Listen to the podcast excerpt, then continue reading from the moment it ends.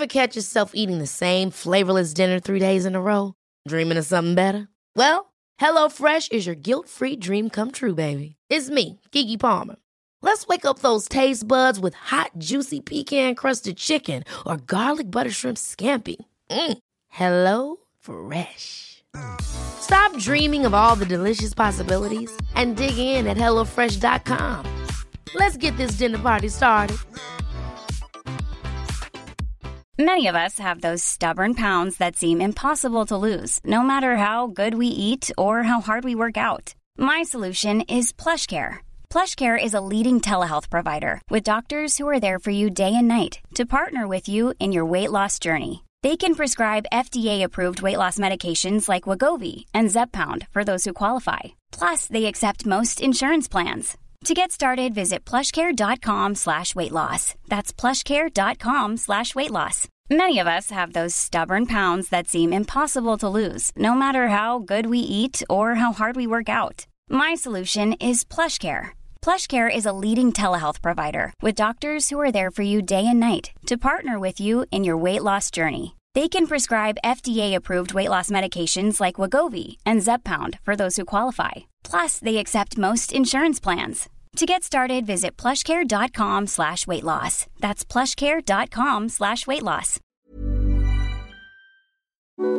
I can discuss some of the psychological aspects of the case. You've got to get a hold of yourself. Now look here, Johnson, I'm going to get to the bottom of this.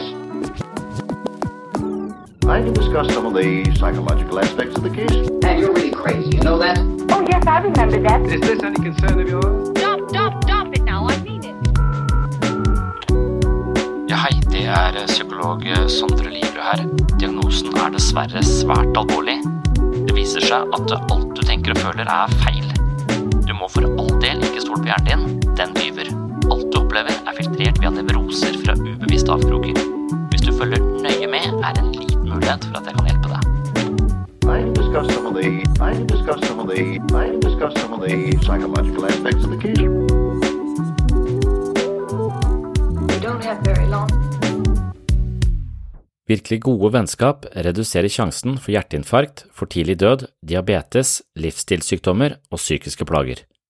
Det er farligere å være ensom enn å røyke. Det er også farligere å ha svake sosiale bånd enn det er å være dedikert alkoholiker eller aldri trene. Svake vennskap er dessuten dobbelt så farlig som fedme og overvekt. Med andre ord kjenner man ikke en viktigere predikator for god fysisk og psykisk helse enn solide relasjoner. Dette her er oppsiktsvekkende.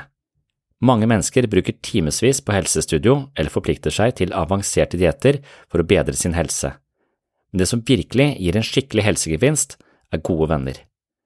Av den grunn er det mer rasjonelt å pleie sine relasjoner enn å bruke timevis på joggetur. Du kan selvfølgelig jogge med venner og slå to fluer i en smekk. Poenget er uansett at vennskap er livsviktig, og da kunne man forestille seg at dette var noe som kom av seg selv for oss mennesker, siden det har så mange gjennomgripende helsegevinster, men slik er det dessverre ikke. Det sies at en god venn er en sjelden fugl, og forklaringen finner vi kanskje i evolusjonspsykologien. Det var nemlig slik, i en litt mer fiendtlig epoke av menneskets eksistens, at det å gå glipp av en god venn, fordi man holdt vedkommende på en armlengdes avstand for sikkerhets skyld, var mindre farlig enn å invitere folk tett på som siden viste seg å være en fiende. Vi er dermed disponert for en slags skepsis i møte med andre. I vår moderne verden har folk flere relasjoner enn noensinne, men antall mennesker som føler seg deprimerte og ensomme, har en tendens til å stige. Sånn sett er det nærliggende å tro at antall vennskap ikke er så avgjørende, men snarere kvaliteten på de relasjonene vi prioriterer.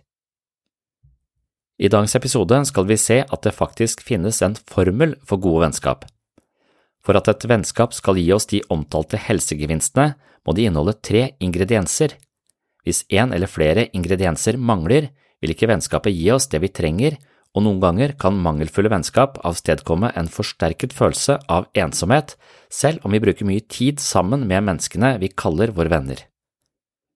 Å kjenne til formelen for vennskap synes jeg er ekstremt viktig, og derfor vier jeg dagens episode til en slags oppskrift på et godt vennskap basert på denne veldig konkrete formelen. Og med det så sier jeg bare velkommen til en ny vennskapelig episode av Sinnssyn. I can discuss some of the psycho- psychological aspects of the case. You've got to get a hold of yourself.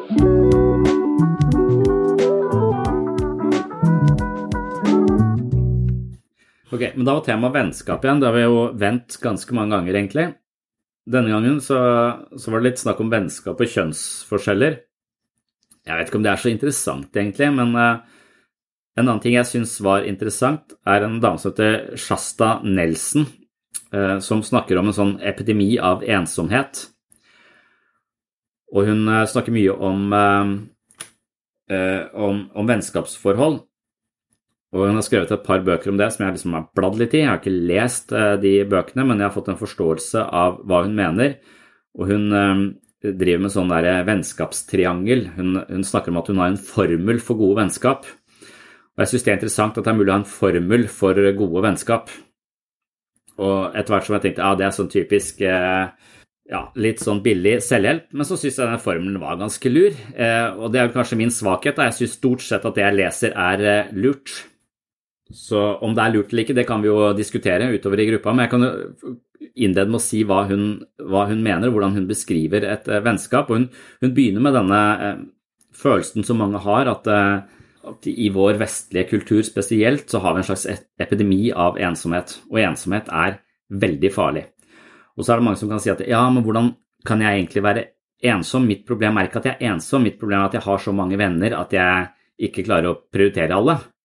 Så vi har flere kontakter enn noensinne, men likevel så har vi eh, mange som rapporterer eh, at de ikke har tilfredsstillende vennskapsbånd. da. Så vi har ganske mange relasjoner. Vi har flere relasjoner og flere bekjentskaper enn noensinne har hatt. Altså kretsen til eh, gjennomsnittsmennesket har, eh, har utvida seg ganske mye. Likevel så rapporterer vi mer og mer eh, ensomhet. Og hvis du spør Hun, hun eh, Sarstad, som heter, eh, hun har spurt eh, 6000 mennesker om de er tilfredsstilt i vennskapsforholdet sine, eller om de syns de har gode vennskapsforhold. Eh, Og da har hun spurt de om disse vennskapsforholdene på en skala fra 1 til 10. Og da svarer mellom 50 til 70% at de scorer eh, vennskapene de har, fem eller lavere. Altså når ti er helt topp, det er et helt fantastisk vennskap, mens én er et ganske ræva vennskap, så vil mellom 50 og 70 score eh, fem eller lavere. Så vi vurderer altså vennskapene våre som eh, ganske eh, dårlige, ifølge henne. Og så er det også sånne enormt mange statistikker da, på at det, å, det eneste, liksom, den eneste faktoren som virkelig predikerer hvorvidt du har en god helse, det er relasjonene dine.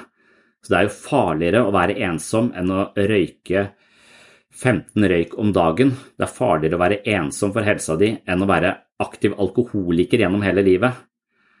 Det er farligere for helsa di å være ensom enn å ha diabetes. Altså det er så utrolig mange sånne, eh, sånne forhold hvor det nettopp er ensomhet som seiler opp som den avgjørende helsemessige faktoren da, som betyr aller mest for, eh, for helsa vår. Og Da er det litt alarmerende da, at folk eh, tilsynelatende har veldig mange vennskap, men likevel eh, rapporterer at de ikke får det de trenger i de vennskapene. Og det prøvde jeg å tenke på, og så prøvde jeg å tenke på mine egne vennskap, og da syntes jeg det var interessant å komme til denne hva er det med, For hun mener at det er en formel på gode vennskap. Det inneholder tre ingredienser. De tre ingrediensene de må være til stede for at, eh, for at et vennskap skal, skal fungere. Den første ingrediensen i et godt vennskap, det er positivitet. Og Da ble jeg med en gang litt sånn eh, skeptisk. Skal vi være, gå rundt og være blide og smile og fake it till we make it? eh, Og bare late som. Så ble jeg litt redd for at det ble sånn plastikkvennskap hvor man eh, var overfladisk og, og smilende. Eh, Men hun mener, det kalles jo sånn polyanish på engelsk, hun mener at det er ikke det eh, som ligger i positivitet. Men det er veldig få mennesker som står opp om morgenen og tenker at åh, nå håper jeg at jeg møter masse sure folk i løpet av dagen som kan berike livet mitt. Eh, Vi trenger jo å være i relasjoner som, eh, som godt nok kan Vi kan gråte på skulderen til hverandre osv., men vi trenger også empati, vi trenger glede, vi trenger interesse, vi trenger eh, optimisme, vi trenger ja, vi trenger et engasjement, da. Vi trenger ikke vi, vi kan godt tåle litt klaging og sutring, Men, men det må ikke, eh, den balansen må være ifølge denne formelen 1 til 5. Så hvis du klager mye én gang, så må du ha fem ganger du sier noe positivt. Det, det, er, eh, det er, ratioen i, eh, i denne positivitetsfaktoren. Det er kanskje ikke den viktigste, men det er litt viktig å, å bidra med en eller annen form for ja, positivitet da, inn i en relasjon. Hvis du er en fyr som eh, bare går og gnager på alt som er jævlig og forferdelig, eh, hver gang du møter noen, så kan det være at du ikke eh, blir prioritert. Så positivitet det er den, eneste, den ene faktoren. Den andre faktoren det er kontinuitet. Og det var der jeg tenkte at jeg mangler noe. Så vi kan godt møte masse hyggelige mennesker og tenke at å, vi passet kjempegodt sammen. Men hvis vi ikke møter igjen, så er du ikke en venn. Da er den eh, relasjonen brutt. Så det viktigste, eller den andre faktoren i disse uh, gode vennskapsforholdene, er kontinuitet. At man har en eller annen praksis hvor man møter disse menneskene jevnlig. Og det bør ofte gå på en form for uh, automatikk. Og Poenget med denne, disse jevnlige møtene er rett og slett å skape trygghet, for trygghet er, viktig, er viktig vennskap. Og for at vi skal være trygge, så må vi kunne regne ut hvordan eh, denne situasjonen kommer til å se ut. En situasjon vi skal inn i eh, som vi vet hvordan kommer til å bli, eller vi føler vi har kontroll på, da vil vi ha ganske lav puls. Men i situasjoner hvor vi ikke helt vet hva som kan skje, eller hva som kommer til å skje, så vil sosialangsten vår eh, øke dramatisk. Og det er jo de fleste, det er jo lett å forstå da, altså Hvis du skal på en fest hvor du ikke kjenner noen, så er ofte pulsen din litt høyere enn hvis du skal på et, eh, en liten sammenkomst med dine nærmeste venner som kjenner deg ut og inn, og du vet hva du kan, eh, kan forvente. Så poenget med kontinuitet er at vi da etter hvert ser eh, hvordan atferdsmønsteret til dette andre mennesket er. Vi lærer oss å kjenne reaksjonene til dette andre mennesket, og vi lærer å kjenne oss selv i møte med dette andre mennesket. Så Derfor så har vi en form for trygghet i, i, dette, i dette møtet. Og Det er litt derfor eh, man, altså vennskap gikk litt på automatikk, nærmest, for, for mange på, når de var barn. Fordi at skolen besørget denne, eh, denne kontinuiteten. Så av eh, at vi hadde at vi hver dag møttes på skolen, så, så sørget vi altså også for å se hverandre og lære hverandre å kjenne. Så det er, det er dette med, med kontinuitet. Og, og det, er det, er jo viktig fordi at det, det, verste i en relasjon er hvis man føler man må gå på eggeskall, som det heter. At man uh, hele tiden tripper rundt, for man vet ikke hvordan den andre kommer til å, uh, til å reagere. Så, så, man har ikke noen, uh, noen klar forståelse for, for, den andres reaksjonsmønstre. Og da blir man veldig forsiktig og usikker. Hva kan jeg si, hva skal, kan jeg ikke si? Og, og den typen nervøsitet den er ikke bra for et, for et vennskap. Men etter hvert som vi lærer folk å kjenne godt fordi vi møtes jevnlig, så vil vi ofte kunne regne ut dette på en mye bedre måte. Og dermed så er eh, mange av vennene våre ikke nødvendigvis folk vi hadde valgt hvis vi fikk en lineup på 20 mennesker hvor vi sa her skal du få velge din venn ut ifra hvordan disse menneskene er, personligheten deres, interessen deres, hva passer best for deg. Da hadde du kanskje ikke tatt dette mennesket som egentlig er din venn, for denne vennen har du fordi at eh, livssituasjonen din er sånn at du møter vedkommende to ganger i uka uansett så er det ikke nødvendigvis de, de, vennene vi hadde valgt, men det er de som eh, rent sånn strukturelt i livet vårt treffer oss mange ganger, og dermed utvikler vi et vennskapsbånd til, eh, til, disse folka. Og så, etter eh, den siste faktoren i denne, dette triangelet som hun setter opp da, av, av, vennskap, det er sårbarhet. Og det har vi jo snakket mye om. Men det er eh, også en av de helt avgjørende faktorene. Så det handler egentlig bare om la vi andre komme tett på, la vi andre komme nær. Og for at vi skal la andre komme nær, så må vi ha trygghet. Og for at vi skal ha trygghet, så må vi ha kontinuitet. Så alle disse tingene henger jo sammen. Men dette med nærhet er, eh, er ganske Ja, det er, helt avgjørende. Så det betyr jo bare at vi kan, kan uttrykke oss åpent og oppriktig og Det betyr ikke bare at vi skal si alt vi syns er kjipt eller vanskelig, men det betyr også at vi skal våge å være stolte, f.eks. Våge å si at ah, 'jeg fikk til dette'. Våge å være åpen om det som skjer. Vi snakket om det litt tidligere eh, i dag. at Jeg kom til å tenke på at det med snikskryt er et litt sånn merkelig fenomen. For det er litt det motsatte av, eh, av å være sårbar. Det er å være ikke-sårbar. Det er å prøve å fortelle noe eh, man er stolt av, men man tør egentlig ikke å fortelle det i frykt for å bli avvist. Og det er den frykten for å bli avvist som gjør at vi pakker det inn og presenterer det som snikskryt. Vi, vi sier det, men vi sier det på sånn vi, i en bisetning eller et eller annet. Og folk skjønner at vi er litt stolte av det, men vi vil ikke innrømme det. For idet vi innrømmer det, så er vi sårbare, og når vi er sårbare, så kan vi potensielt sett bli avvist. Så, så dette med å være sårbar, det er, eh, det er ikke så så, så, lett for, for, folk. Det er risikabelt, og det er den, det motet der vi må ha for også å skape gode, gode relasjoner. Så poenget til, til hun Sarsta Nelson er at vi har sykt mange relasjoner. Eller mange, noen mangler relasjoner, men det er ikke eh, majoriteten som mangler relasjoner. Veldig mange har relasjoner, men de har ikke relasjoner som inneholder den tryggheten man får av kontinuitet, det er ikke nok positivitet, og det er ikke mulighet eller rom for sårbarhet i de relasjonene. Så når man eh, møter mennesker som, som sliter psykisk og sier ja, men du må ha gode relasjoner, du må ha venner rundt deg, du må melde deg inn i en klubb, meld deg inn i sånn her, eh, en eller annen yogaklubb eller en, eh, en sykkelklubb, eller begynne å spille tennis eller fotball. altså det er ikke sikkert at det, det er ikke løsningen. Er, løsningen på ensomhet er ikke flere kontakter det er bedre kontakter. Du trenger egentlig ikke mange kontakter. Så lenge du har én eller to kontakter hvor du har alle disse faktorene på stell, så tror jeg du har det du trenger for å unngå den eh, negative helse, helsekonsekvensene det er ved å føle seg ensom. Altså Verre enn å røyke og være alkoholiker. Alt mulig faenskap. Altså, det er jo forbundet med hjerte- og karsykdommer. Masse sånne, eh, sånne, ting som eh, Det er også forbundet med kortere liv. da, Å, å være Å ikke ha noen nært. Så når jeg tenker på mitt eget liv, så tenker jeg at jeg er egentlig Jeg tror jeg er ganske åpen. Så, eh, så, jeg kan være ganske Jeg vet ikke om jeg tør å være helt sårbar, men jeg tror jeg er ganske god på det. Men jeg er dritdårlig på kontinuitet. Så, så venner utenom det som ah, på automatikk sørger for at jeg er sammen med folk på regelmessig basis, det, det, har vanskeligheter med å prioritere selv, sikkert litt pga. livssituasjonen med barn osv. Det er vanskelig for meg å, å opprettholde, opprettholde, det. Så, så, i mine vennskap så mangler jeg kontinuiteten.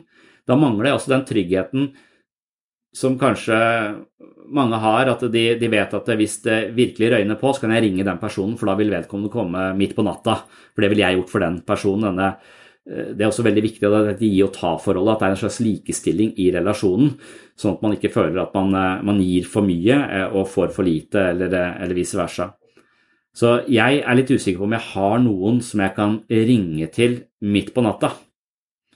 Jeg regner med at folk skrur av telefonen sin på natta òg, så jeg får vente til dagen, dagen, etter. Men i og med at jeg mangler kontinuitet i de fleste vennskapsforholdene jeg har, selv om jeg føler at jeg har ganske mye åpenhet når jeg først møter dem, så, eh, så, så er det så tror, jeg, så tror jeg det er den, liksom, jeg har tenkt meg selv, det er den største svakheten.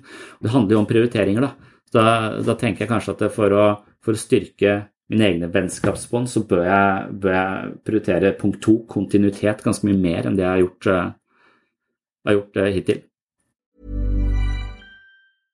Selling a little or a lot? Shopify helps you do your thing however you cha-ching. Shopify is the global commerce platform that helps you sell at every stage of your business. From the launch your online shop stage to the first real life store stage, all the way to the did we just hit a million orders stage. Shopify is there to help you grow. Shopify helps you turn browsers into buyers with the internet's best converting checkout. 36% better on average compared to other leading commerce platforms because businesses that grow grow with Shopify. Get a $1 per month trial period at Shopify.com slash work. Shopify.com slash work. Wow. Nice. Yeah. What you're hearing are the sounds of people everywhere putting on Bombas socks, underwear, and t-shirts made from absurdly soft materials that feel like plush clouds. Yeah, that plush. And the best part, for every item you purchase, Bombas donates another to someone facing homelessness. Bombas. Big comfort for everyone. Go to bombas.com slash ACAST and use code ACAST for 20% off your first purchase. That's bombas.com slash ACAST. Code ACAST. Hiring for your small business? If you're not looking for professionals on LinkedIn, you're looking in the wrong place. That's like looking for your car keys in a fish tank. LinkedIn helps you hire professionals you can't find anywhere else, even those who aren't actively searching for a new job but might be open to the perfect role. In a given month, over 70% of LinkedIn users don't even visit other leading job sites. So start looking in the right place. With LinkedIn, you can hire professionals like a professional. Post your free job on linkedin.com slash people today. Ja, det må være veldig viktig hvis man, man ringer midt på natta. Det bør man jo eh, helst uh, unngå. De som ringer midt på natta, de er ofte fulle, er, mitt, uh, er min erfaring. Uh, Og det er, det er lurere å vente til, til dagen etter. Du tar ikke telefonen ringer til deg midt på natta. Det er greit, det er kanskje litt seint, det. Men det er, eh, det er ganske eh, hjerteskjærende å lese alle disse statistikkene på, eh, når det er forsket på, på ensomhet. Det er en som heter dr. Dean Ornish, blant annet, som har, eh, har skrevet mye i New York Times. Og han eh, uttrykker veldig tydelig at eh, både for livskvalitet og unngåelse av sykdom og prematur død, så er liksom eh, ensomhet den absolutt viktigste faktoren. Altså gode relasjoner er det som eh, er den absolutt beste medisin. Det fungerer bedre enn dietter, det, det fungerer bedre enn trening, det kan overstyre genetikk. Altså, så det er, eh, det, er verre, det er verre å være ensom enn å drive med narkotika. Hvis du har gode relasjoner og driver med narkotika, eh, så, det, så har du mye bedre odds.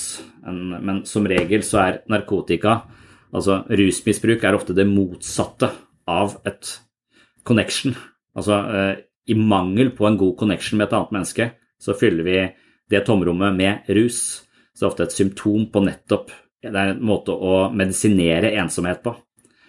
Mens eh, ensomhet er, er fordi vi fornemmer at ensomhet er livsfarlig. Så når vi har et eh, godt vennskap, så har vi da muligheten for å være sårbare. Noe som sørger for at vi føler oss eh, sett av den andre. Vi har regelmessig samvær som sørger for trygghet. Og vi har nok positivitet til at relasjonen da blir prega av glede og vitalitet, og ikke et sånt klage, klageforum. Og hun, Sarstad hun, hun begynner en sånn eh, TED-talk hvor hun snakker om at eh, hun var eh, Akkurat som nå, da, sommeren var over, det har vært lang sommerferie, og så skulle hun møte fire ven- venninner for å catche opp etter sommerferien der alle har vært på ulike ferier osv., og, så videre, og så hadde de ikke truffet hverandre på en stund. Så møtes de. Så foreslår hun at alle skal si litt om hvordan de har hatt det i, i løpet av sommeren. Det er litt det vi gjør her i, i gruppeterapi for tida. Vi, hører, vi er interessert i hvordan folk har hatt det i sommer. ikke sant? Hvordan, hvordan har man hatt det? Og så foreslår hun eh, Sarstad dette, og så begynner, eh, begynner alle, eller begynner de i en kant, og så, og så kommer de til en som eh, forteller noe som er såpass interessant, da, og et eller annet med noe, noe som hadde skrevet en bok, og det var broren til den, osv., og, så så blir, å, henger alle seg så på det. Og isteden for at turen går videre når hun er ferdig, så blir det samtaleemne. Så da har alle fått sagt, altså de tre andre har fått sagt noe om sin sommerferie, og alle har bekrefta, det er veldig viktig i et eh, vennskap, er å føle seg sett. At man vet at man blir sett. Det er også viktig å se andre, men det er også viktig å føle seg sett. Og, og etter hvert, når hun tenker nå må det snart være min tur, så sier hun uff, du, eh, tida flyr, jeg er nødt til å stikke. Ja, det må jeg også. Og så blir eh, denne dette lille selskapet oppløst, og hun eh, reiser eh, hjem og tenker at fy faen, jeg må få meg nye venner, for noen ræva venner jeg har. Det er jeg som foreslår at alle skal si litt om hvordan de har hatt det, og så er det ingen som, eh, som har tid til å høre på meg. Da, da tenker jeg at venner gjør jo feil. altså Det, det fins jo vi, vi kan bli, bli revet med og glemme, glemme ting. Men etter hvert som hun reflekterer utover i dette altså Hun ser at det, de tre faktorene som er viktige for et vennskap, det er ikke at andre eh, spør deg om hvordan du har hatt det. Det står ikke på lista over de viktigste faktorene. Men det viktigste, eh, på lista over de viktigste faktorene så står det å tørre å være sårbar. Og det å si at du, før vi går videre på denne historien om denne forfatteren, denne boka, så, eh, så har jeg bare lyst til å fortelle hva jeg har gjort i sommer. Og hun vet at hun hadde hatt venner som hadde sagt ja, selvfølgelig, og så hadde de bare lent seg inn og så hørt på henne og vært interessert i henne. Det er ikke det at de bevisst går inn for nei, vi gidder ikke å høre på henne, eh, for hun er kjedelig, så vi skal prøve å skvise henne ut ved aldri stille henne spørsmål. Det er ikke intensjonen deres. De, de er interesserte, de lar seg rive med. Så denne handlingen å si at du, kan vi bare høre hva jeg har gjort uh, i, i, sommer før vi går videre på dette, det, det, er å være sårbar. Det er å tørre å ta plass, tørre å si hva man trenger. Og hun er ganske sikker på at hun hadde fått det. Hvis du ikke da får det, så kan det være at du må revurdere vennskapet. Men jeg tror de aller fleste mennesker vil være da eh, glade for å få den påminnelsen om at ja, vi har faktisk en runde her, og vi er veldig interessert i Det er ikke det at vi ikke er interessert i deg, det er bare det at vi lot oss rive med av denne andre, andre historien. Så på lista over eh, gode vennskap så står det ikke at andre skal stille deg spørsmål om hvordan du har hatt det, men det står at man må våge sårbarhet og, og be om det man, eh, det man trenger. Så, så, hun mener da at det dypest sett altså De gjorde kanskje en feil, men hun feilet også fordi han ikke tok den plassen og delte det hun hadde lyst til å, lyst til å dele. Og det, og det, var jo også snakk om til da, da, dårlige vennskap. Hva er dårlige vennskap? Er det folk som overkjører og bare er opptatt av seg sjøl? Det kan hende, men jeg tror ikke det er så veldig mange. Altså, det fins 1% av psykopater. 1 er eh, altså, Det finnes sikkert litt flere egosentriske folk enn det fins psykopater som ikke gidder å høre på andre fordi de er så usikre på seg sjøl. Det er greit nok, uh, men, men, langt de fleste mennesker vil oppleve at uh, likestilling er veldig bra. Altså det å komme i takknemlighetsgjeld er noe av det verste de fleste av oss veit. Sånn, uh, det, det, dette var jo det Hvis du leser Sjaldini om hvordan man skal manipulere folk, så er jo det veldig lurt å gi dem noe. Hvis du ønsker noe fra et annet menneske, f.eks. Eh, bistand eller penger eller noe, så gir du en liten gave. For så vil de gi mye mer, for de vil ikke De har plutselig kommet til en takknemlighetsgjeld. Dette var det Hare Krishna-bevegelsen gjorde på flyplasser. Altså de, de sto og ba om penger til, til virksomheten sin på, på flyplasser. Eh, men til slutt så ble folk lei av de og gadd ikke å gi de mer. Men så begynte de å gi små bøker til folk som gikk forbi. Og da økte inntekten til Hare Krishna noe voldsomt. Så kunne de gå rundt eh, og synge, og jeg har aldri skjønt hva de egentlig tenker eller mener. Men de ser veldig glade ut, slår på trommer og løper litt rundt og er litt sånn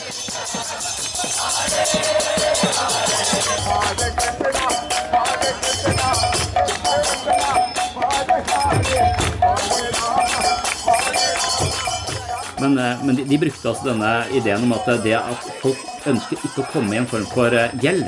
De vil alltid utligne dette. Og, og det tror jeg er ganske vanlig i relasjoner også, at vi ønsker å, å være likestilte. Og det er nettopp i de relasjonene vi ikke føler denne likestillingen, enten vi ikke blir sett nok eller vi gjør for mye osv., at relasjonen blir, blir, ødelagt. Og Da kan man tenke at det er den, den som gjør minst eller snakker mest, som har ansvaret, men det kan være at det ansvaret også ligger litt på vårt, eh, på vårt bord. Da. Og jeg ser det veldig tydelig blant, eh, blant, mine bekjentskaper, kan man si, at det å De som er, jeg er nærmest, der, der er de sykt opptatt av likestilling hva angår praktiske ting. Hvem har kjørt barna til trening flest ganger? Nå har du gjort det fire ganger, da kan de være her i helgen. Altså Det er sånn, det er ikke det at de sier det, men de bare, de bare handler likestilt.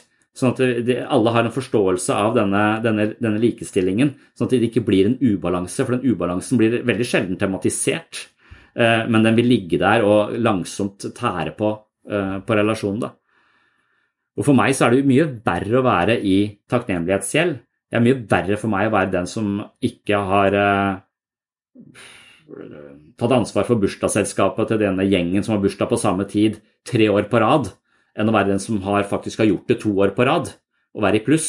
Det er mye deiligere å være i, i pluss, selvfølgelig, men det krever et visst overskudd. Og hvis du har det overskuddet, så vil jo de fleste uh, ha denne likestillingen. Så når vi snakker da om dårlige relasjoner, er det da mennesker som uh, nettopp prøver å utnytte andre og gjøre minst mulig? Uh, da er det en dårlig relasjon. Men veldig ofte så tror jeg kanskje folk mer blir revet med og er interessert, og at vi selv unngår å be om det vi trenger, og dermed Eh, setter den andre i en posisjon hvor de faktisk har eh, ja, skylder oss noe uten at de egentlig har ment å stjele all oppmerksomhet, eller hva det skal være. da. For det var litt tema til da. Dårlige relasjoner også. Jeg vet ikke hva dere tenker om eh, de dårlige relasjonene. Er det vårt ansvar å ta den plassen vi trenger, eller, eller eh, kjenner vi ofte folk som, eh, som bare kjører over oss? Så hun, hun snakker litt om dette, og det er helt enig. Altså for, for hvis man i utgangspunktet har kommet eh, i en situasjon hvor man er ganske ensom, så vil det jo helt klart være Men, men jeg syns det er smart med en formel, da, for da, da kan du liksom begynne et sted. Og jeg, jeg er helt sikker på at kontinuitet eh, kommer før sårbarhet. Det er vanskelig å være sårbar eh, før man har den tryggheten som besørges av en viss kontinuitet, så man kan til en viss grad regne ut hvordan den andre reagerer. Så da kan nok være nettopp dette med å begynne i en form for forening eller et eller annet, som, som gjør at det, nå er i hvert fall det at vi møtes ukentlig, satt i, i system. Sånn at jeg slipper å være sårbar og spørre deg om å bli med ut hver gang, og føle at nå har jeg spurt deg tre ganger, du har ikke spurt tilbake igjen. Så, så det, krever jo, det, det krever så mye sårbarhet å spørre noen om noe. Og, og, så, så dermed så vil den typen relasjoner hvor man starter med egentlig den å sette seg i en sårbar posisjon og hele tiden spørre noen, eh, være kanskje noe man ikke har, føler man har råd til eller tør. da. Man tør ikke å være så sårbar. Så Dermed så er sikkert dette med, med foreninger og, og, sånn kjempeviktig for å, for å ta seg akkurat det. Men så nevner hun derre uh, Sarstad Nelson, som hun heter, hun nevner også at, at f.eks. politiske partier, da, eller, eller menigheter, de har nettopp uh, akkurat dette med kontinuitet. De møtes uh, kanskje ukentlig, men hun mener også at mange av de si, fellesskapene uh, har, mangler noe på sårbarhet. At de er ofte programforplikta til å mene det samme, eller ikke uttrykke seg sånn og sånn, enten det er en, er en menighet eller at det, sånne, at det kommer noen sånne strenge regler inn i samspillet som, som ikke åpner for sårbarhet. Så det de har, er kontinuitet, men de mangler sårbarhet og eventuelt positivitet. Hvis det er en sånn dommedagsmenighet som tenker at nå går alt til helvete, eller Miljøpartiet De Grønne og tenker å fy faen, nå er det like før hele driten eh, bare kollapser her. Noe som sikkert er sant, da, men det å hele tiden snakke om det, da har du i hvert fall ikke den der positiviteten inne i bildet. Så, så hun mener hun sparker litt til den typen foreningsvirksomhet som, eh, som kanskje ikke er bevisst disse tre punktene men som bare besørger kontinuiteten. Så jeg, jeg, jeg syns det er jeg synes selv at jeg, jeg, tror på at det er jævlig helseskadelig å være ensom, og at det er en av våre største frykter, egentlig. Og så føle at vi er uh, uten uh, en eller annen sånn sikkerhetsnett, altså en eller annen hånd å holde i når, når du bare rauser nedover. Hvis du ikke du føler det, så, så tror jeg du er sånn grunnleggende livredd. Og, og, da må man jo kanskje virkelig prioritere dette høyt. Og hvis det da finnes en formel Jeg må sørge for at det er fem til én i forhold til klaging og positivitet. Jeg må sørge for at vi finner en eller annen setting hvor jeg kan møtes jevnlig. Og jeg må våge å være oppriktig. Etter hvert som det blir en, blir en mulighet. Og når vennskapene ikke fungerer, gå tilbake og se på de faktorene. Hvilke av disse faktorene er det jeg har forsømt? Og så er det ikke dermed sagt at alle vennskap fungerer, altså.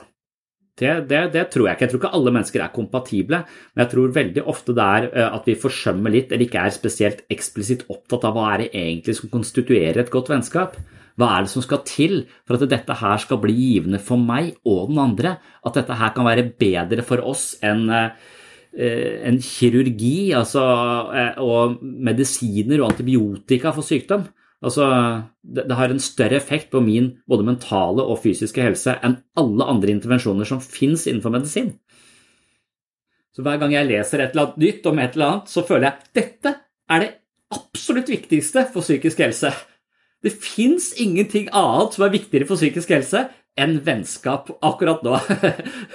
For, sist gang så var det sårbarhet, før det så var det Jeg husker ikke, men jeg har hatt sånne hver gang jeg kommer på noe nytt, så tenker jeg det er det absolutt viktigste. Hvis bare alle kan forstå dette og kultivere dette inn i livet sitt og jobbe aktivt på disse tre punktene, så vil du bli kvitt all form for uh, psykiske uh, plager og uh, type livsstilssykdommer og, og, og faenskap. Du har ingen nye meldinger. Planen min med en så stor leilighet var at du skulle flytte inn en gjeng her En ordentlig noen, Ja, en gjeng sånn som i Friends. Når det alltid skjer noe, vet du. Sånn, en sånn pen og en litt sånn dum, kanskje. Det hører ofte med. Eller sånn Dumme Knut, for eksempel. Nå har han plutselig fått tak i en pusekatt. Typisk Knut.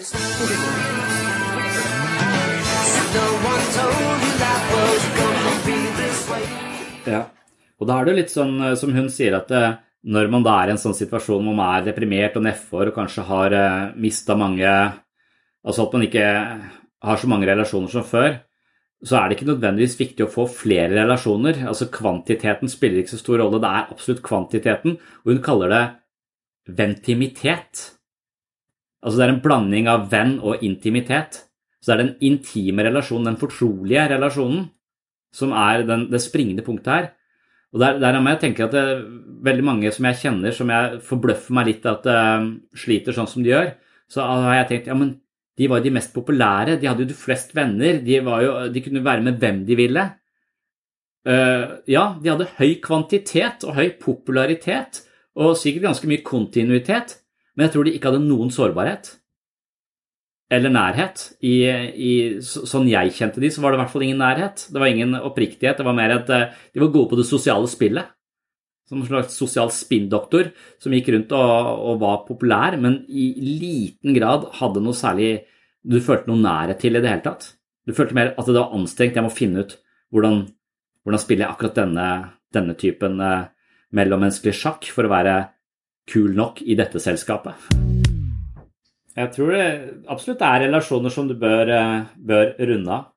Og det, det er jo litt sånn eh, som, som du sier i stad, det, det viktigste er kanskje når man føler seg ensom, at man da setter seg selv i et system av mennesker hvor du, hvor du finner eh, et møtepunkt ukentlig, f.eks. Og ut ifra det så begynner du å lage det kartet over de andre menneskene som er der. Du, du begynner å få en slags forståelse for hvordan de fungerer, hvordan de håndterer ting, hvordan de håndterer konflikter og utfordringer osv. Så og så får du et sånt kart som du, du eh, etter hvert kan ganske godt. Når du kan det kartet godt, så er det, eh, så, er det etter hvert da tryggere å være sårbar, for du vet litt hva du, hva du kan forvente. Men så finnes det jo da noen eh, ting som ødelegger sånne kart, og kanskje nettopp det er ideologi eller, eh, eller pat, psykopatologi hos den andre. Som, eh, men men f.eks. det min opplevelse i disse menighetene, at det, der er det det er godt nok et slags mål om å være åpen og menneskelig osv., men det er likevel en ideologi i bånn om hva som er eh, rett og galt ut ifra en bok de har lest. Eh, Og da blir denne lekenheten rundt eh, ulike sider ved en selv ganske vanskelig, for plutselig så sier du noe som, eh, som faller utenfor eh, for boka, eller eh, føler noe som faller utenfor. og da og, det, Selv om det er tilgivelse å få, da, så er det likevel en slags underforstått feil. Sånn at det, du kan nok eh, risikere å og Hvis du havner med mennesker som har helt klare oppfatninger om hvordan de skal og ikke skal være, så, så er nok den eh, sårbarheten og den åpenheten ganske vanskelig. Fordi at de vil, eh, de vil ha absolutte bombastiske oppfattelser av hva som er rett og galt. Nei, men sånn skal du ikke føle. Du må bare holde ut i det ekteskapet. Å skille seg er feil. Altså, her, dette er bare en jævla vanskelig situasjon uten egentlig noen gode løsninger. Eller kanskje en god hva, hva tenker du, hva føler du? Eh, altså Sparre om det helt åpent for å finne en, en vei ut av en vanskelig situasjon. Hvis det er helt klare retningslinjer på hva man skal og ikke skal, så blir man jo, føler man seg lett dømt da, hvis man ikke gjør det, gjør det riktige. Så da, Det er vel der kanskje denne kritikken mot noen type fellesskap er, eller noen, også noen mennesker som ikke klarer den mentale fleksibiliteten å kunne se ting fra litt mange sider samtidig, og prøve å egentlig bare være mest opptatt av den andre. Og Det er nok også en sånn ting som ødelegger eh, vennskapsforhold, er hvis at det er en eller annen faktor i livet som prioriteres, alltid prioriteres veldig mye høyere enn vennskapet. Og hvis det er eh, La oss si det er Gud, da, hvis man er veldig religiøs, eller narkotika, hvis man er veldig opptatt av eh, rusmidler, eh, så, så vil man kanskje ha problemer med å opprettholde gode vennskap fordi at man alltid vil eh, nedprioritere det til fordel for å skaffe seg mer narkotika, eller eh, Så det kommer sånne forstyrrende ting imellom. Så det krever jo en ganske høy Kanskje det, vennskap krever en investering. Og det er viktigere å investere i vennskap enn det er å investere i timer på helsestudio. Det er det som er poenget her.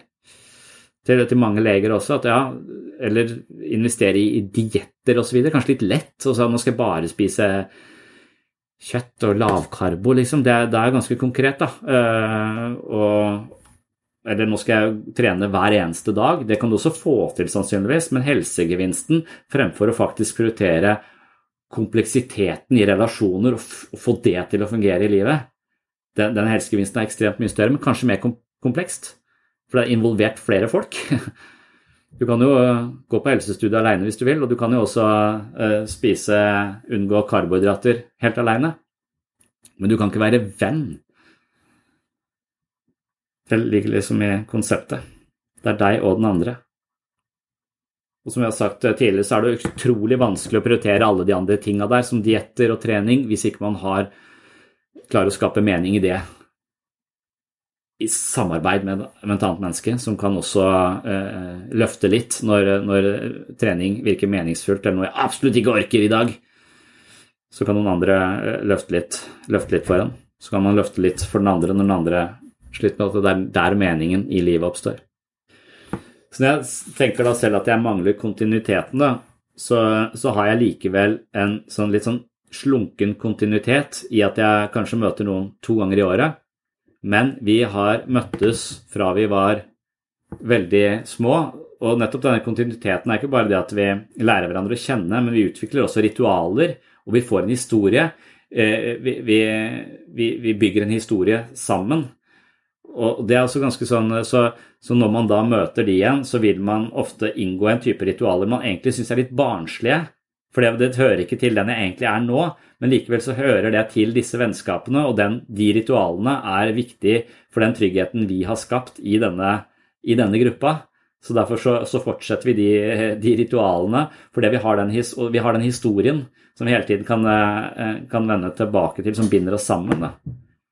Så, så, det å ha vennskap handler jo da om å, ja, å skape historie, der det er kontinuiteten, logge timer sammen, som skaper historie. For vennskapet blir jo nesten en slags umulighet med enkelte mentale operativsystemer også. Og det er vel det, det, er vel det som også kanskje er gruppeterapiens uh, forskjell, at man skal, man skal, undersøke hva slags uh, relasjonelt operativsystem har jeg installert i huet mitt når jeg møter andre mennesker. For, uh, og en av de vanskeligste operativsystemene er mistillit. Hvis du har en lang erfaring på at folk er ute etter å huke bein på deg, og egentlig ikke vil deg vel, og hver gang de ser ut som de vil deg vel, så er det bare for å manipulere deg. Hvis det er innstillingen din, eh, eller erfaringen din og utgangspunktet ditt i møte med andre, så er sårbarhet helt stein umulig. Ingen som vil være sårbare for en eller annen som skal bare lure deg til å være åpen, for så å tråkke på hjertet ditt eh, eh, mens de ler av deg. Hvis det er fantasien og forestillingen, så er det noe av det skumleste vi opplever, er å bli avvist. Da er spørsmålet ok, du klarer ikke positivitet, for du er skeptisk til de andre. Du klarer ikke sårbarhet, for du tror de er ute etter å ta deg, men du klarer å møte de. Altså, du, du klarer å møte de. Og da kan man jo håpe at uh, man er såpass si, empirisk orientert at hvis du da møter tilfeldigvis noen hyggelige folk, så, så vil du langsomt se at alle mine mistanker blir ikke eh, bekrefta. Fordi at disse menneskene oppfører seg ikke eh, De baksnakker meg ikke, de lurer meg ikke. Altså Alt det jeg forventer at de skal gjøre, det gjør de ikke. Og da kan det jo være at man i møte med nye mennesker kan korrigere alle de ekkoene man har fra de gamle relasjonene som har vært ræva. Så at kontinuiteten i det kan være at ok, nå må jeg kanskje lage et nytt kart da, over disse menneskene. For disse menneskene virker som de ikke er eh, smilende psykopater. Det virker som de er ganske hyggelige after all. Og hvis, hvis, man klarer det, så kan det være at det, men kanskje de må ha veldig lang kontinuitet, kanskje de må ha veldig, veldig mange møter for å våge å tro at det her kan det være at jeg, mine mistanker eller min skepsis ikke er berettiga i det hele tatt. Jeg, jeg, men jeg vet ikke. Noen vil jo tviholde på den, den tidligere oppfattelsen de har. Dette er sånn Piaget mener at mennesket utvikler seg, altså at vi har mentale modeller. Og når vi møter livet med de mentale modellene, og de ikke funker fordi at de, de korresponderer ikke med den virkeligheten vi møter, så må vi eh, korrigere modellene våre. Og det er det å være barn. Det er å hele tiden korrigere mentale modellene sine i møte med nye situasjoner. Mens voksne mennesker vi, mye, eh, vi er mye altså, Der vil ikke hjernen forandre seg så mye, så vi er mye mindre fleksible når det gjelder endring. Barn endrer seg hele tiden, så det er et, det premiss ved det å være barn. Så de endrer seg, endrer seg, endrer seg. Mens, mens voksne er eh, mye mer satt i de mentale modellene de har. Så istedenfor å prøve å endre mentale modeller i møte med nye mennesker, eh, så forsøker vi å presse de nye menneskene inn i de gamle modellene. Og da kan du, Det er der levereglene kommer inn. Så, så for å få bekrefta at de menneskene her baksnakker deg, så oppfører du deg på en sånn litt sånn kanskje mm, passiv-aggressiv måte som gjør at de til slutt blir lei av deg, og så sier den ene til deg faen, virker som han er sur, og så blir du baksnakka. Eh, Sånn at, så at du, du får en slags Du iscenesetter eh, den avvisningen og, og den situasjonen som du tror, for da henger verden på greip ut ifra hvordan mentale modellene dine er skrudd sammen. Og Det er det som er eh, en del av det psykologiske bildet her også, at vi, vi har en tendens til å istedenfor å endre oppfattelsen våre, prøver å sørge for, mer eller mindre ubevisst, at situasjonene passer inn, sånn at vi slipper å endre oss. Da fikk jeg rett likevel. Han var en dust. Hva var det jeg sa? Man kan nesten se på gruppeterapi som en sånn ring hvor vi sitter og relaterer oss til hverandre og prøver å forstå dette. Og det som skjer når, eh, når vi endrer oss og får det bedre, det er at vi har liksom kosta ut alle eggeskallene. Jeg vet ikke om det er et norsk begrep. Jeg går på eggeskall. Det er kanskje bare sånn eh, engelsk eggskjell, jeg vet ikke. Men man forstår hva man mener. Gå på listesko, er noen som sier. Altså, du er utrygg på hva du sier, for du vet ikke hvordan andre vil, vil ta det. Men etter hvert som, som om de istedenfor å tolke deg i verste mening, begynner å forstå deg og være raus i forhold til at du kan si noe, noe, feil, så blir det så trygt å være der. Så vi har altså, vi kosta ut alle disse eggeskallene og egentlig kan gå rundt i det rommet og leke i det rommet på en sånn fri måte. Og, og de korrigerende erfaringene er håp at man kan ta med seg ut i livet og, og prøve å koste vekk de om, om det er andre som legger ut i eggeskallet, eller om vi gjør det selv. da. Hvis man har regnskap i, i, i, i vennskap, så Altså det, det, er vel en slags indre klokke vi kanskje har da, om vi har gjort for mye eller for lite, og vi likevel at det skal være en, en jevn balanse der. Vi kan også akseptere ubalanse hvis vi vet om situasjoner som uh, sørger for den ubalansen, men hvis vi føler oss utnytta, uh, så, så, vil vi begynne kanskje med dette regnskapet. Men da er det allerede en, en, en, ubalanse installert der, da, så det er nok uh, lurt å da kanskje ta ansvar for å utligne den, sørge for at de kommer i balanse selv, eh, og eventuelt da kanskje snakke om det, men, eh, men kanskje heller prøve å si hva vi trenger, og gjenvinne balansen istedenfor å snakke om at 'jeg syns du ikke prioriterer meg'. Eh, altså, kan vi ikke heller For da, det er veldig anklagende. Da tror jeg det blir knut på tråden. Istedenfor Ja. Er det det som skjer når vi Når, man liksom, når jeg får sånne fornemmelser altså hvis noen forteller om en situasjon, det og det skjedde, og de forteller situasjonen på en måte så du skal bekrefte at de folka da har gjort, noe, eh, gjort deg urett. Eh, og det kan jo hende at det er riktig at de har, eh, har gjort deg en, en, urett, absolutt. Men det kan også være at du i veldig liten grad se på din egen rolle i den relasjonen, men ønsker en bekreftelse på den mentale modellen du allerede har laget deg av andre mennesker. Og det viser seg at det er jo sånn disse andre menneskene. Og Det er da jeg kvier meg for å bekrefte opplevelsen. Altså, jeg kvier meg for å bekrefte virkelighetsoppfattelsen av at de andre er noen, er noen duster, hvis det er det som er uh, fortellingen. da, For det er jo mange duster der, så er, man må jo ha rett i det innimellom. Men, men hvis det er den typen historie hvor man åpenbart ønsker at, andre, at, man ønsker at de andre skal bekrefte min virkelighetsoppfattelse, så jeg slipper å se på meg selv? Eller, eller hva, hva, hva, jeg Akkurat der har man sånn magefølelse på at skal jeg bekrefte dette, eller, eller skal jeg uh, utfordre dette, da? Så man får bekrefte opplevelsen sin. Man skjønner at det er kjipt, men du kan også plante inn noen nye perspektiver, ideelt sett. At det er den det er den rekkefølgen. Først få en bekreftelse på at den virkelighetsoppfattelsen din, den skjønner jeg er kjip. Men det er ikke dermed sagt at den virkelighetsoppfattelsen din eh, korrelerer med verden der ute på en på best mulig måte alltid. Så, men vil man liksom, eh, når man får eh, man, man, trenger støtte og bekreftelse på at ja, jeg skjønner at det, du, du får en slags anerkjennelse, du blir sett, da. Men i neste omgang så får du noen nye perspektiver som krever at du, du revurderer litt den situasjonen som oppsto også, i et litt annet og, og da er spørsmålet syns du det er interessant at du følte feil, Eller er du en feil person som føler feil, og et dårlig menneske fordi du føler feil? Kommer, jeg lurer på om den innstillingen er hvis du, hvis du skjønner at oi, jeg følte jo helt feil ut ifra de nye perspektivene, så var den, den forbannelsen jeg, som satt i meg, den, jo, den kunne jeg halvert hvis jeg hadde tenkt på den måten.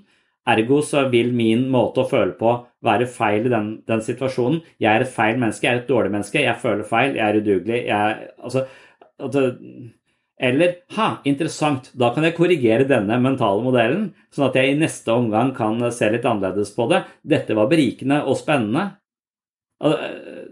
Det kommer litt an på valøren i det, men Eller dagsform, kanskje.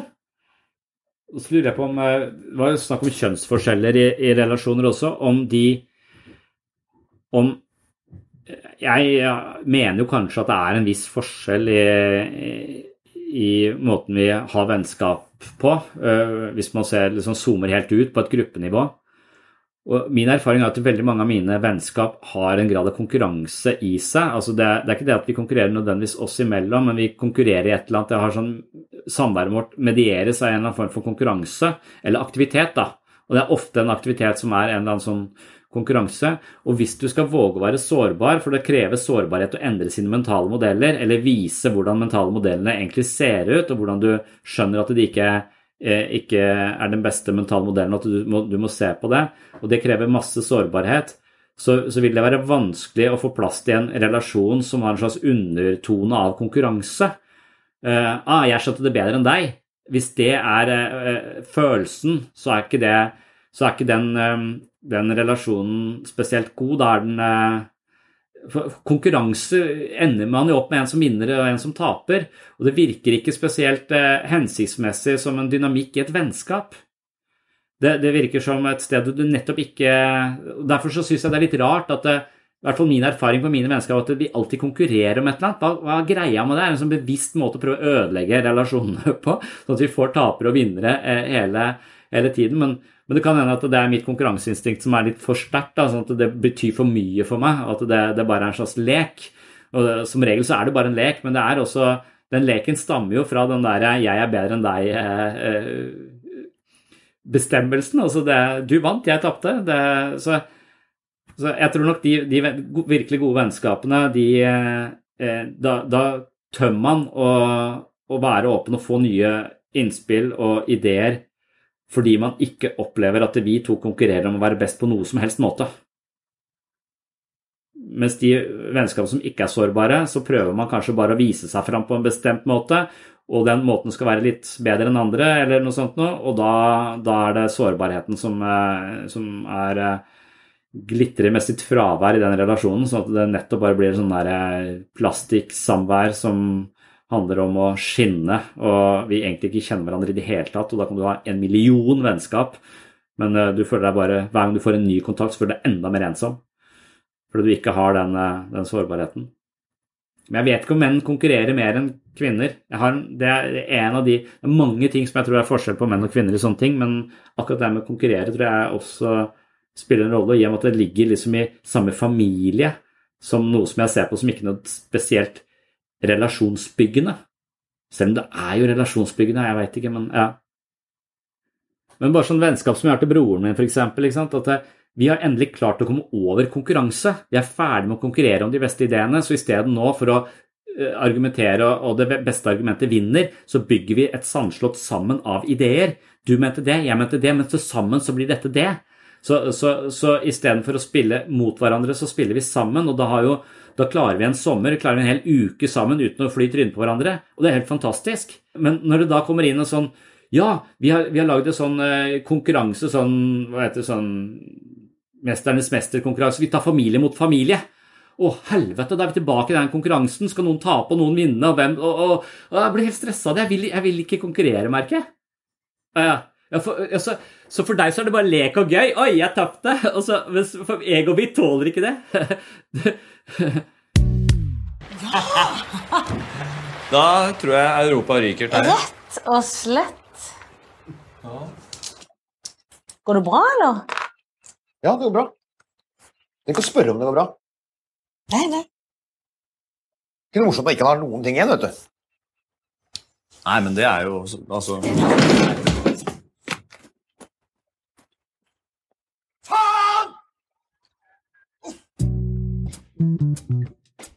Oh, I'm just losing my mind, that's all.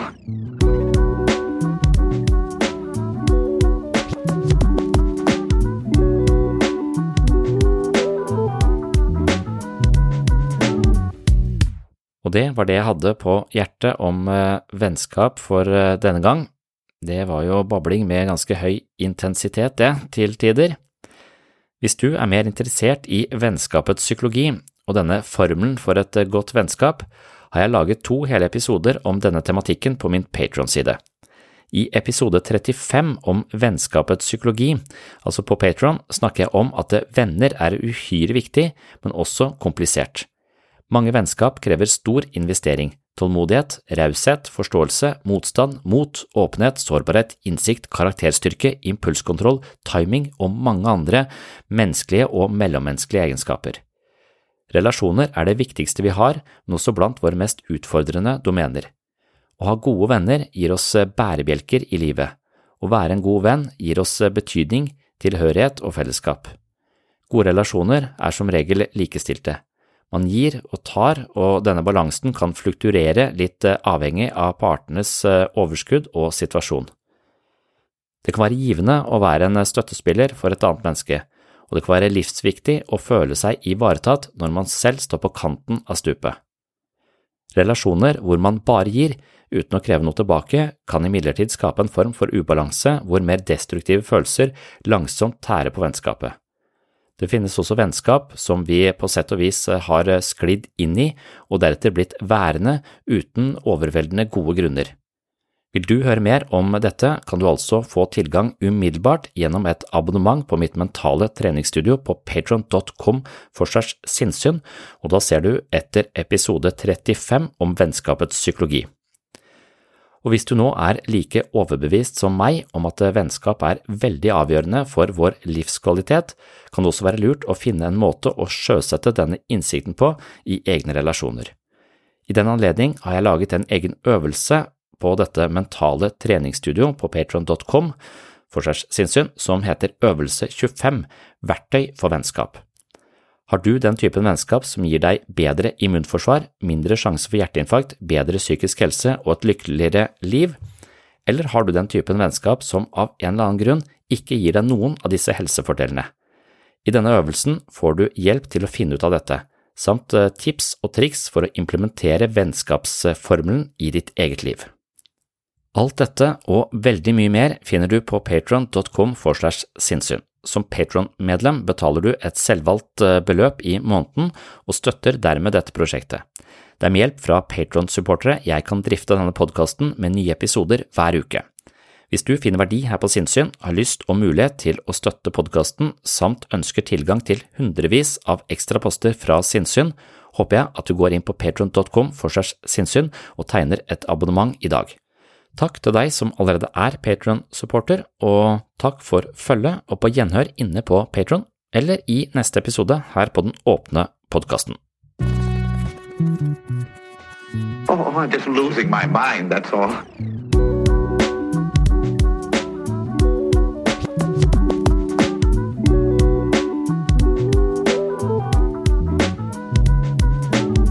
Can discuss some of the I can discuss some of the I can discuss some of the psychological aspects of the case. Psycho, psycho, psychological aspects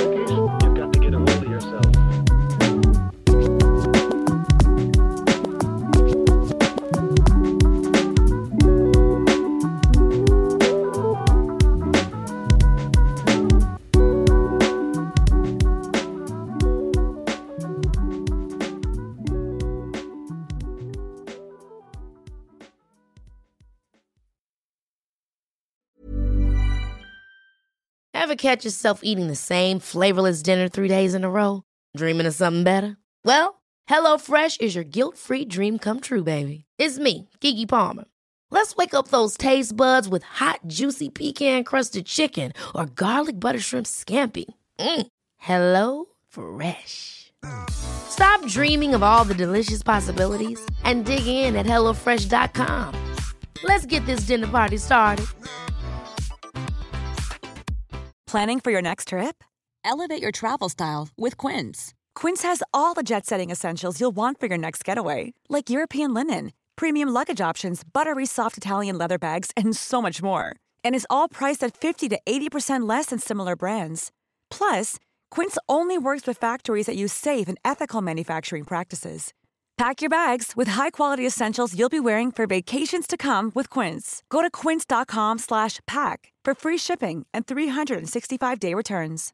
Imagine the softest sheets you've ever felt. Now imagine them getting even softer over time. That's what you'll feel with Bowl and Branch's organic cotton sheets. In a recent customer survey, 96% replied that Bowl and Branch sheets get softer with every wash. Start getting your best night's sleep in these sheets that get softer and softer for years to come. Try their sheets with a 30-night guarantee. Plus, get 15% off your first order at bowlandbranch.com. Code BUTTERY. Exclusions apply. See site for details.